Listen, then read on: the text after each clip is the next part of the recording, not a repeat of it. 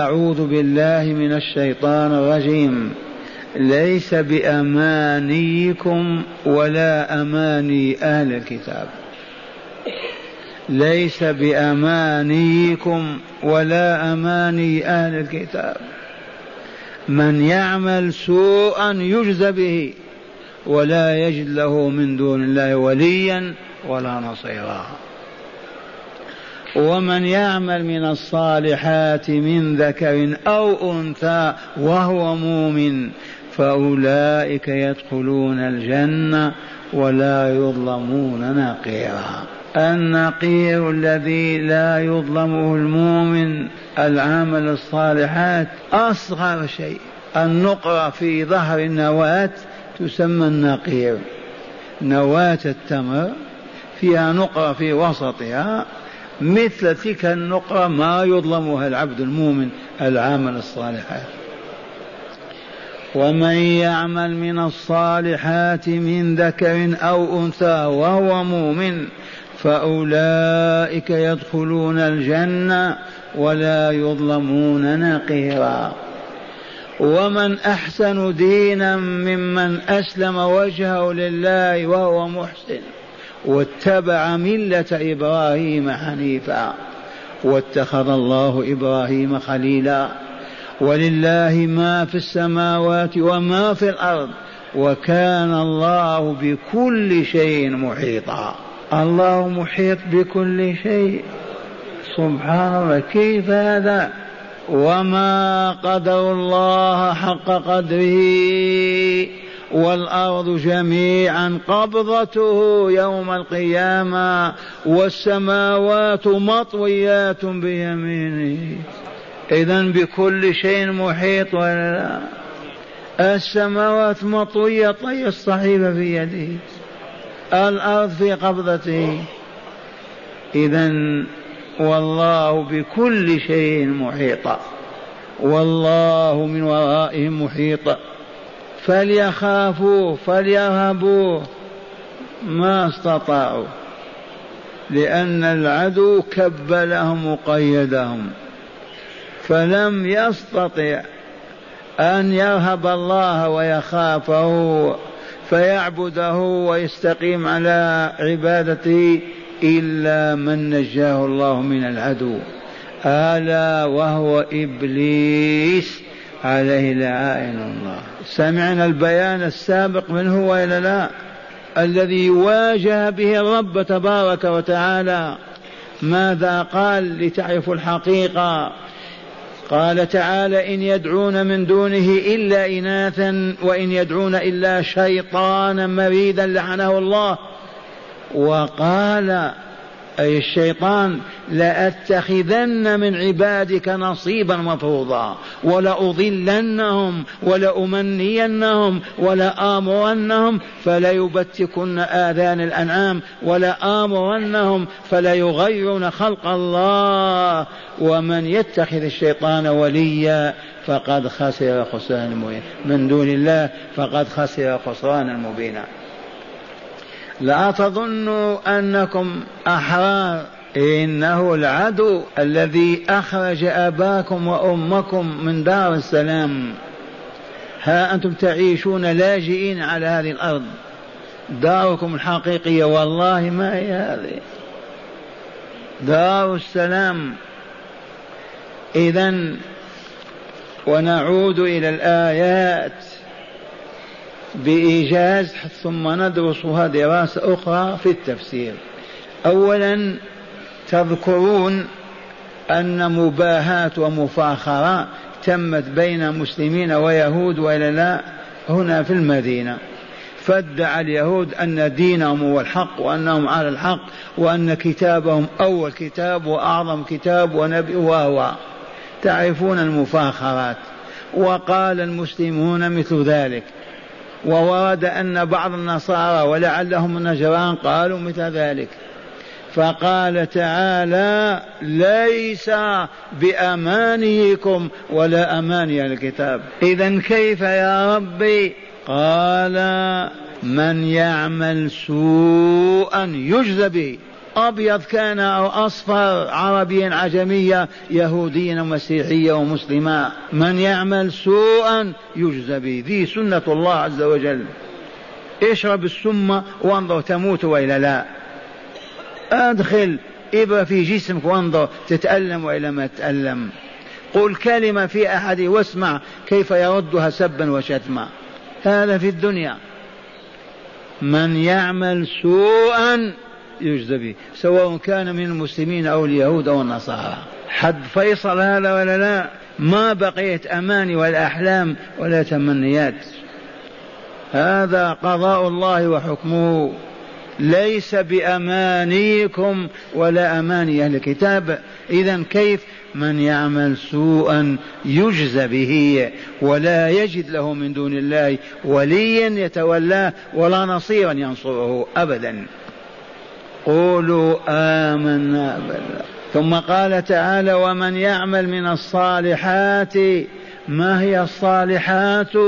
الأعمال والأقوال والاعتقادات التي وضعها الله تحمل مادة الطهر والصفاء إلى روح البشرية. الذي أوجد مادة الغذاء في التمر واللبن والفواكه والخضر وحرم ذلك التراب والحجارة والصخور. ما فيها أغذية ولا لا؟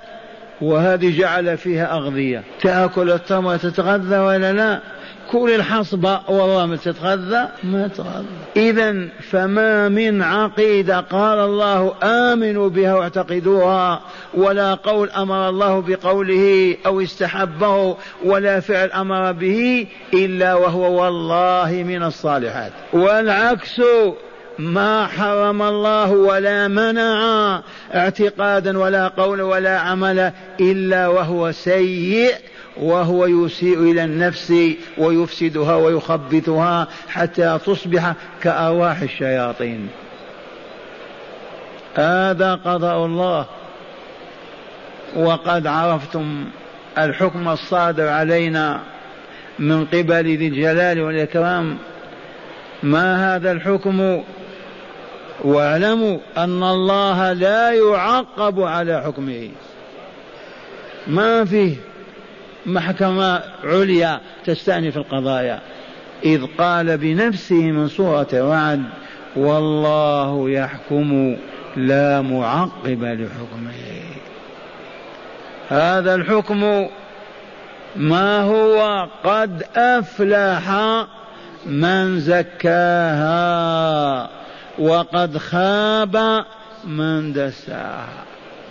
كن ابن من شئت. كن أبا لمن شئت. يا مؤمن كوني امرأة من شئت. إذا لم تزكي نفسك والله ما نفعك. ذاك الانتساب إلى أب صالح أو ولي من أولياء أو نبي من الأنبياء أو زوج من الصالحين. والذي يشك في هذا ما عرف الإسلام بعد. قد أفلح من؟ من زكاها. من هي هذه التي نزكيها؟ النفس البشرية. وقد خاب وخسر من؟ من دساها هل عرفتم بما تزكى النفس البشرية؟ بالمواد التي تزكيها. ما هي؟ الإيمان والعمل الصالح. من يعلمنا من يعرفنا كيف نستعمل الصالحات لتزكية أنفسنا؟ الجواب اطلب تجد. زاحم العلماء بركبتيك وتعلم. أو تريد أن تقول أنا مسلم وتصبح عالما كيف تعبد الله؟ مستحيل. ما يوحى إليك وما أنت بنبي. لا بد أن تعرف كيف تستعمل الصالحات. حتى تزكي بها نفسك. ويجب أن تعرف أيضا المفسدات للنفس وتبتعد عنها وترحل من ساحتها وتهجر حتى ديارها. إن أنت, إن أنت تريد أن تنزل دار السلام أما إذا أنت تريد أن تهبط إلى أسفل سافلين ما أكثر الهابطين. ومن يعمل من الصالحات من ذكر أو أنثى وهو مؤمن بالأمس عرفتم النصراني يبني المشافي يوزع الأدوية الأكسية الأطعمة في الشرق والغرب ولا حسنة واحدة لأنه كافر غير مؤمن وهو مؤمن. أما من كفر بالله وبرسوله ولقائه فكيف تقبل أعماله الصالحة؟ وهو مؤمن فأولئك السامون الأعلون يدخلون الجنة ولا يظلمون نقيرا. أي من حسناتهم وأعمالهم. إياك أن تفهم أنك تظلم حسنة واحدة بل معشار حسنة. إذ حسناتك مدونة مسجلة. واعمل ما شئت طول حياتك وثق بأنك لا تبخس ولا تنقص من حسناتك شيء ولا يظلمون نقيرا. ومن أحسن دينا الآن لما عرفنا بطلان دعوى اليهود والنصارى وحتى دعوى المسلمين باللسان جاء البيان الحق ليقرر دين إلا الإسلام. إذ هو دين الأنبياء إبراهيم فمن دونه نوح فمن دونه فمن قبله إلى خاتم النبيين. الإسلام لا نصرانية ولا بوذية ولا مجوسية ولا يهودية ولا وإنما الإسلام ما الإسلام هذا؟ أن تسلم قلبك ووجهك لله. خذ يا ربي.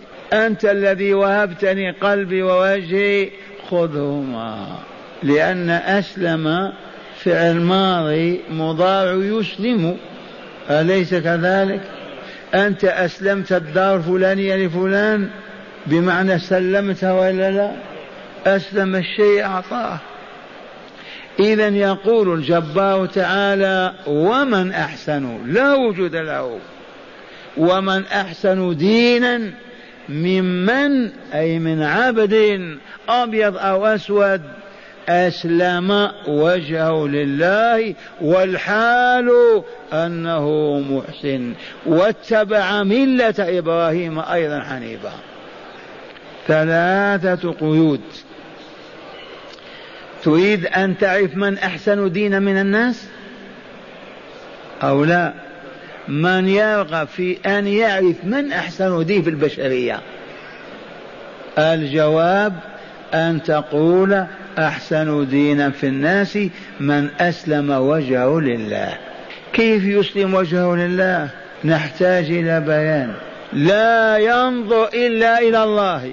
قلبه يوجهه ووجهه مقبل على ربه فحياته كلها موقوفة على الله. والله لا يأكلن من أجل الله ويشربن من أجل الله ويبني المنزل ويهدمه من أجل الله ينام ويستيقظ من أجل الله يتزوج ويلد من أجل الله. كل شيء أعطاه لله. هذا هو المسلم وإن قلت يا شيخ كيف هذا؟ يأكل من أجل الله. إيه نعم لما توضع الأكل بين يديه يقول بسم الله لولا أنه أذن لي فيها ما ناكلها. باسمه وإذنه ولا لا لو ما أذن فيها تأكلها؟ هل تأكل جيفة بسم الله. وأنت ناوي أن تأكل لتتقوى بالأكل أو لتستمر حياتك على طاعة الله وعبادته. لما تحرث ترمي البذرة لما من أجل أن توفر قوتا لك لتعبد الله عز وجل. هذا الذي يبني هذا المنزل لما ليستر فيه نفسه وأسرته حتى لا يؤذي المؤمنين ولا يؤذونه. لله ولا لا؟ فلان طلق امرأته لما لله؟ لأنها مظلومة ما سعدت معي تأذت ما أطاقت هذه أمة الله طلقت لأجل الله. فهمتم الآن؟ أسلم وجهه. الحياة كلها موقوفة على الله. إن أردت أن تكون أحسن الخليقة دينا. ومن أحسن دينا ممن أسلم وجهه لله والحال أنه محسن. أي في أداء تلك العبادات حتى ولو كانت ذكر الله يجب أن تحسن هذا الذكر. فضلا عن الأعمال التي بالأركان والجوارح لا بد من إحسانها. لأنك إذا أسأت في العبادة ما أنتجت لك النور ولا التزكية. أليس كذلك؟ قام يتوضأ أخونا فغسل رجله اليمنى ثم مسح راسه تمضمض وخلط وخبط. ينفع هذا الوضوء؟ ماذا يقول الفقيه؟ اعد وضوءك. أنت تلعب. الله قال إذا قمتم إلى الصلاة فاغسلوا وجوهكم وأيديكم إلى المرافق وامسحوا برؤوسكم وأرجلكم للكعبين وأنت تقول إيش فيه أنا؟ نمسح رأسي أولا. يصح هذا باطل. لا بد من إحسان العمل والقول. تأتي تذكر تقول الله لا إله الله لا إله ما ينفع. قل لا إله إلا الله لا إله إلا الله. تقول الله سبحان ما تنفع. قل سبحان الله. أحسن. الأداء فالذي لا يحسن صلاته ولا صيامه ولا جهاده ولا صدقاته ولا أذكاره ولا ولا يعمل بلا ثمرة ولا نتيجة. عرفتم هذه؟ هل البارح ذكرنا كلمة الرسول الباقية الخالدة ولا لا؟ من عمل عملا ليس عليه أمرنا فهو رد. من عمل عملا ما أمرنا به ما طبعناه ما أذن فيه ما شرعناه مردود على صاحبه ولا لا؟ نعم ولا يقبله الله ولا يثيب عليه ولا يجزي به. إذا أسكت الله كل من ادعى أنه على دين حق. ومن أحسن دينا ممن أسلم وجهه لله وهو محسن واتبع ملة إبراهيم حنيفا. أي ووحد الله في عباداته كلها عقائد وأقوال وأفعال. لأن ملة إبراهيم دين إبراهيم قام على أساس أن لا يعبد إلا الله. مال عن كل العبادات أعرض عن كل الآلهة مال عن كل باطل إلى الحق فقط. واستعرضوا مواقف إبراهيم في القرآن. ماذا قال؟ ما كان إبراهيم يهوديا ولا نصرانيا ولكن كان حليفا مسلما وما كان من المشركين. هذا رد على اليهود لما ادعوا أنهم على ملة إبراهيم وأن إبراهيم كان يهودي. النصارى قالوا إبراهيم كان نصراني أيضا. فين اليهودية والنصرانية بينه وبين إبراهيم قرون أكثر من ألفين سنة؟ وقالوا فأكبتهم الله وأخزاهم. ما كان إبراهيم يهوديا ما كانت اليهودية إلا على عهد موسى ولا لا؟ فكيف كان إبراهيم يهوديا أو نصرانيا؟ هذه ردود الله تعالى على دعاوى اليهود والنصارى. الشاهد عندنا وإذ قال إبراهيم لأبي وقومه إنني براء مما تعبدون إلا الذي فطرني فإنه سيهدين وجعلها كلمة باقية. ماذا قال؟ وإذ قال إبراهيم لأبيه وقومه إنني براء مما تعبدون إلا الذي فطرني فإنه سيهديني وجعلها كلمة باقية في عقبه لعلهم يرجعون. إبراهيم كان حنيفا مسلما ووالله ما كان من المشركين. فلاحظ الآن ومن أحسن دينا ممن أسلم وجهه لله. أولا يوقف حياته على الله عز وجل. بينت لكم لا فلان تزوج لمن؟ لأجل ماذا؟ لله. فلان طلق لماذا؟ لله. فلان طلب وظيفة لماذا؟ فلان ترك الوظيفة لماذا؟ لله. واقرأوا لذلك قول الله عز وجل قل إن صلاتي ونسكي ومحياي ومماتي لله رب العالمين. لا شريك له وبذلك أمرت وأنا أول المسلمين. هذه الآية سميناها آية الوقفية. إن حياة المؤمن وقف على الله كما قدمنا ازرع واحصد من أجل الله ابني وهد من أجل الله إذ حياتك كلها لله.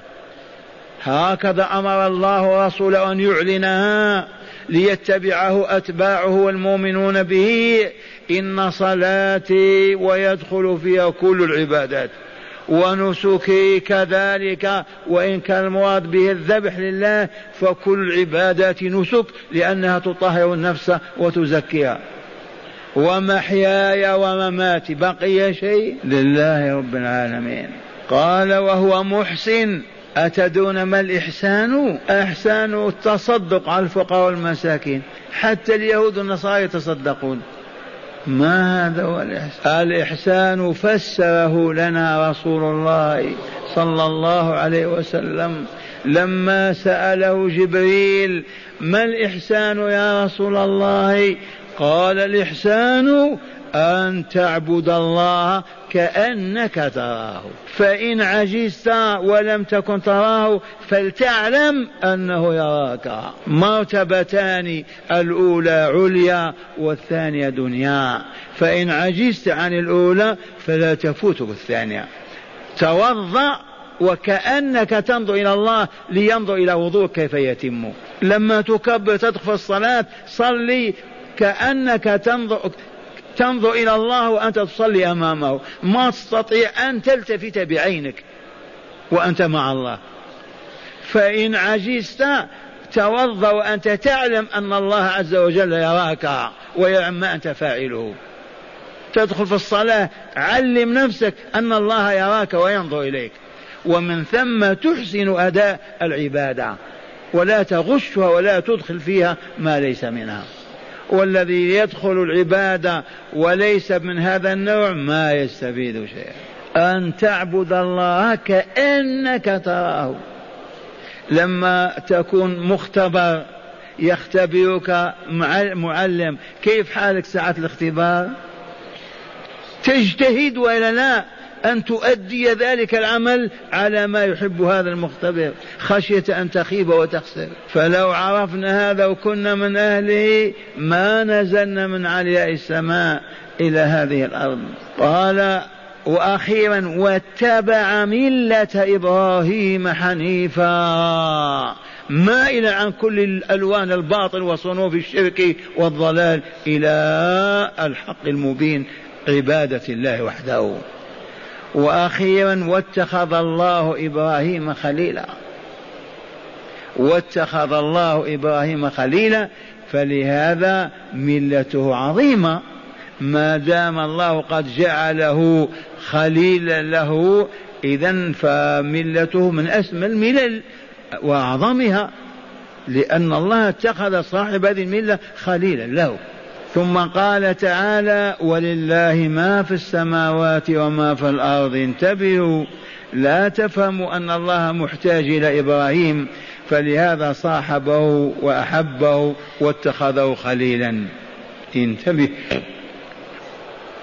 الخليل من تخلل حبه قلب المحبوب.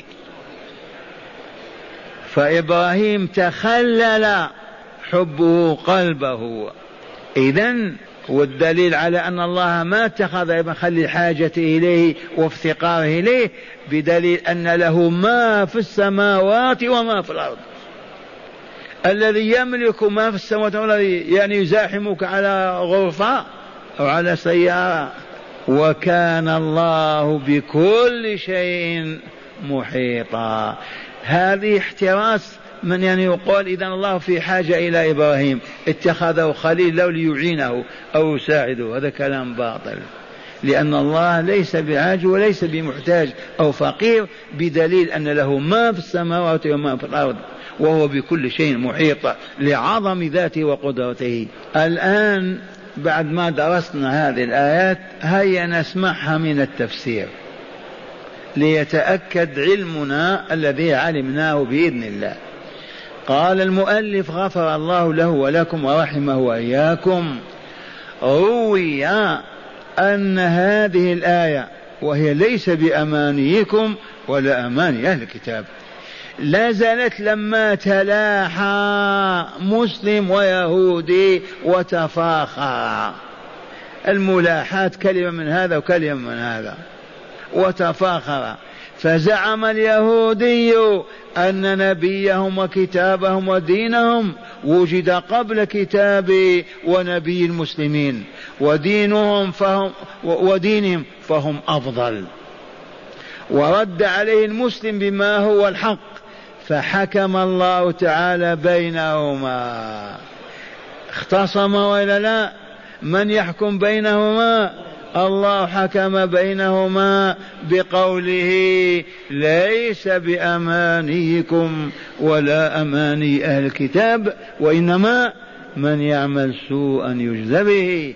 ولا يجد لهم دون الله وليا ولا نصيرا. قال ولا أماني أهل الكتاب من يهود ونصراني. أي ليس الأمر والشأن بالأمان العذاب وإنما الأمر والشأن في هذه القضية هو أنه سنة الله تعالى في تأثير الكسب الإرادي على النفس بالتزكية أو التدسية فمن عمل سوءا من الشرك والمعاصي كمن عمل صالحا من التوحيد والطاعات يجزى بحسبه فالسوء يخبث النفس فيحرمها من مجاورة الأبرار والتوحيد والتوحيد والعمل الصالح يزكيها فيؤهلها لمجاورة الأبرار ويبعدها عن مجاورة الفجار. واضح هذا المعنى؟ أعيده لكم. قال وإنما الأمر والشأن في هذه القضية. أنه سنة الله تعالى في تأثير الكسب الإرادي. ما معنى الكسب الإرادي؟ العمل الذي تعمله وأنت واعي ما أنت سكران ولا مجنون ولا نايم. عمل تريد أن تعمله.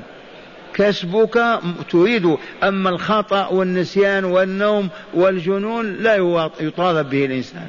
الكسب الإرادي الذي يصدر بإرادتك. قال في تأثير الكسب الإرادي على النفس بماذا؟ بالتزكية أو التدسية.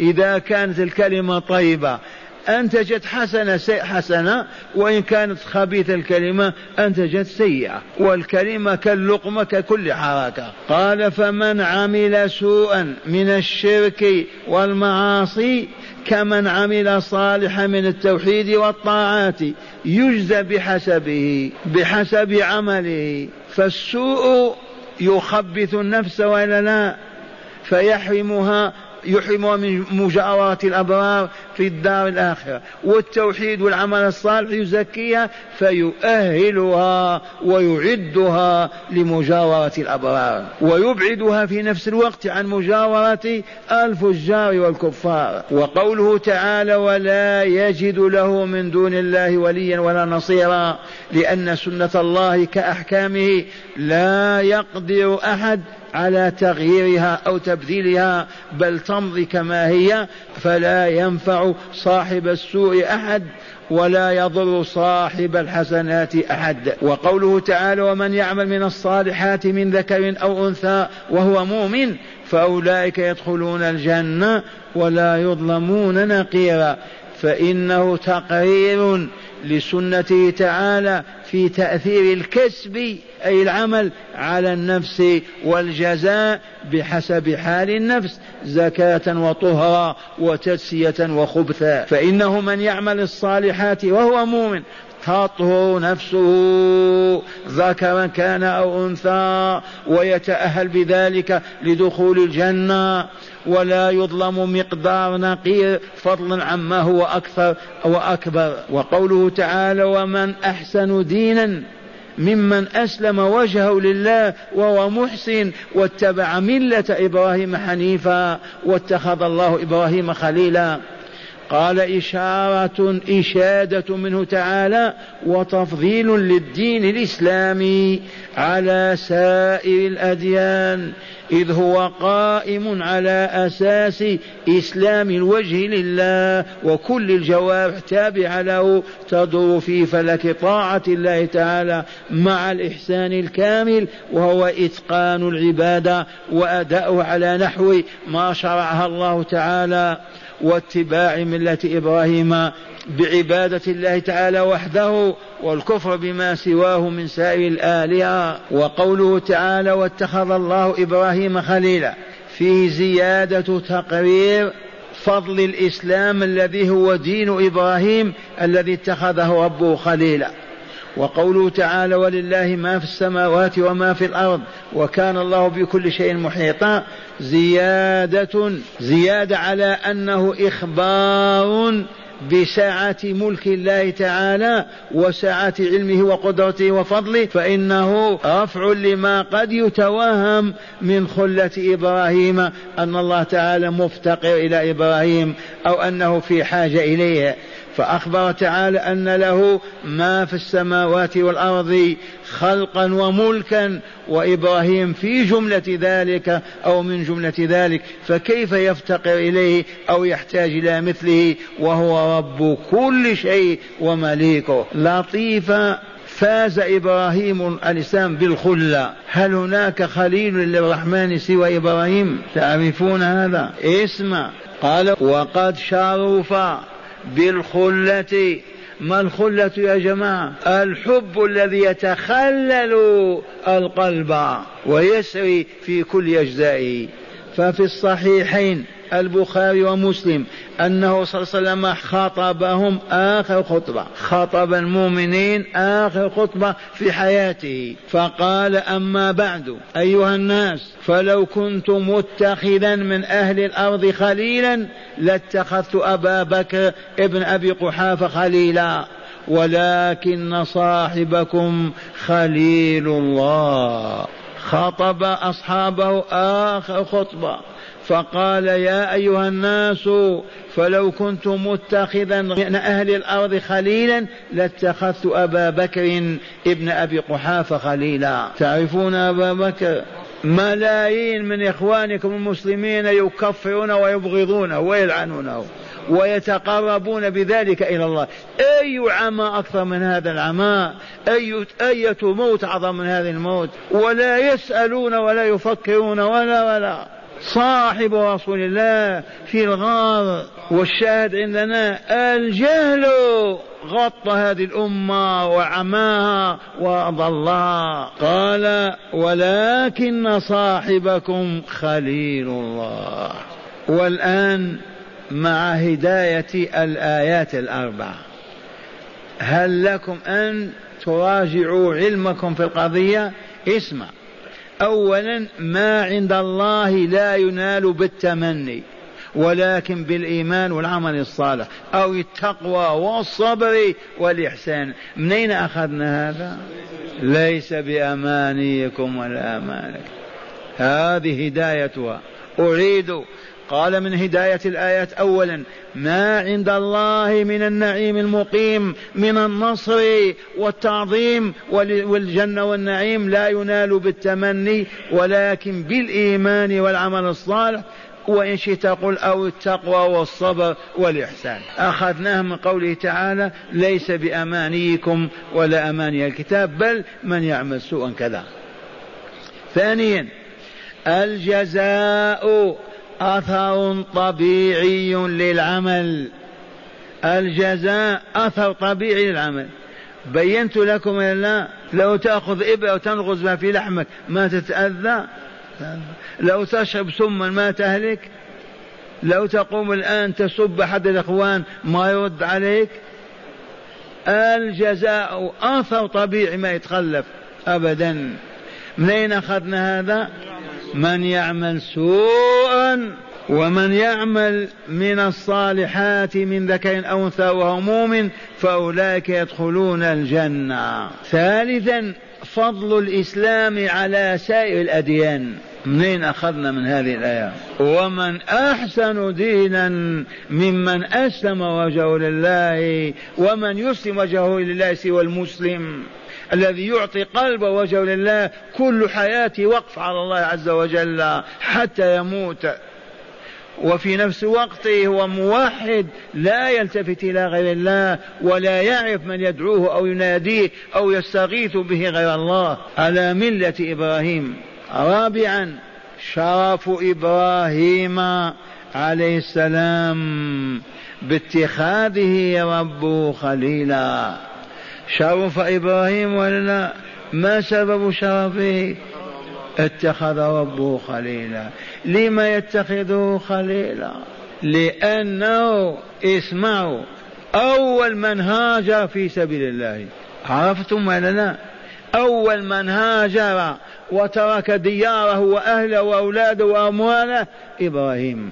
لما حكم عليه بالإعدام ونفذ الحكم والله نجاه وسلمه. قال إني ذاهب إلى ربي سيهديني. رب هب لي من الصالحين.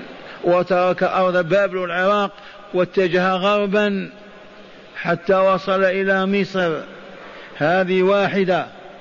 وثانية إبراهيم يمتحن بأن يبني لله بيتا في جبال فارانا كيف يبني إبراهيم بيت كامل؟ أعظم من هذه ابتلاه الله أن يذبح ولده. هل تردد إبراهيم وقال كيف؟ أو أخذ إسماعيل وطيبته هاجر وأحسنت ثوبه وأتى به إلى منى وتلاه على جبينه على الأرض والمدي في يده وأراد ذبحه لأن الله أمر. لهذا اتخذه ربه خليلا. خامسا غنى الله تعالى عن سائر مخلوقاته وافتقار سائر مخلوقاته إليه عز وجل. من أين أخذنا هذا؟ ولله ما في السماوات وما في الأرض وكان الله بكل شيء محيطا. الله تعالى أسأل أن يرد إخواننا وأمتنا إلى كتاب الله عز وجل يجتمعون عليه في مساجدهم ويتعلمون الكتاب والحكمة فتنتهي المذهبية والفارقية والعنتريات وأوضار الحياة وأوساخها. إذ والله لا نجاة إلا هذا. إما أن نعود إلى كتاب الله وسنة رسوله في صدق. إذا أذن المغرب لن تجد رجلا في الأسواق ولا في الشوارع ولا في البيوت.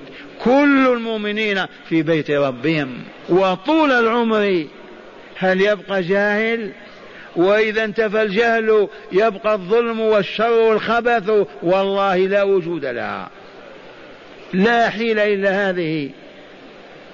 الشيوعية لما بدأت كانت تلزم المواطنين بأن يجتمعوا حتى في الصحراء ليتلقوا معارف البلشفية الحمراء. حتى في عدن فعلوا بهم هذا. ونحن يأذن المؤذن هذا يغني وهذا يأكل وهذا يأكل. كيف نرجع إلى الله؟ مستحيل بدون علم. إنما يخشى الله من عباده العلماء. ومن شك ينظر أعلمنا في أية قرية أتقانا لله عز وجل. والله العظيم. وأجهلنا بالله أخبثنا. تريد بيان أعظم من هذا؟ هيا نعود. ما نستطيع. لما مقيدون مكبلون؟ لا والله. شهواتنا وأطماعنا وشياطيننا. وإلا دقت الساعة السادسة ولا لا؟ اغسل يديك توضأ واحمل زوجتك وأولادك إلى المسجد القريب منك. صلوا المغرب واجلسوا جلوسنا هذا. تتعلمون الكتاب والحكمة. يبقى جاهل وإلا ظالم؟ هذا هو الطريق. اللهم اهد هذه الأمة إليه.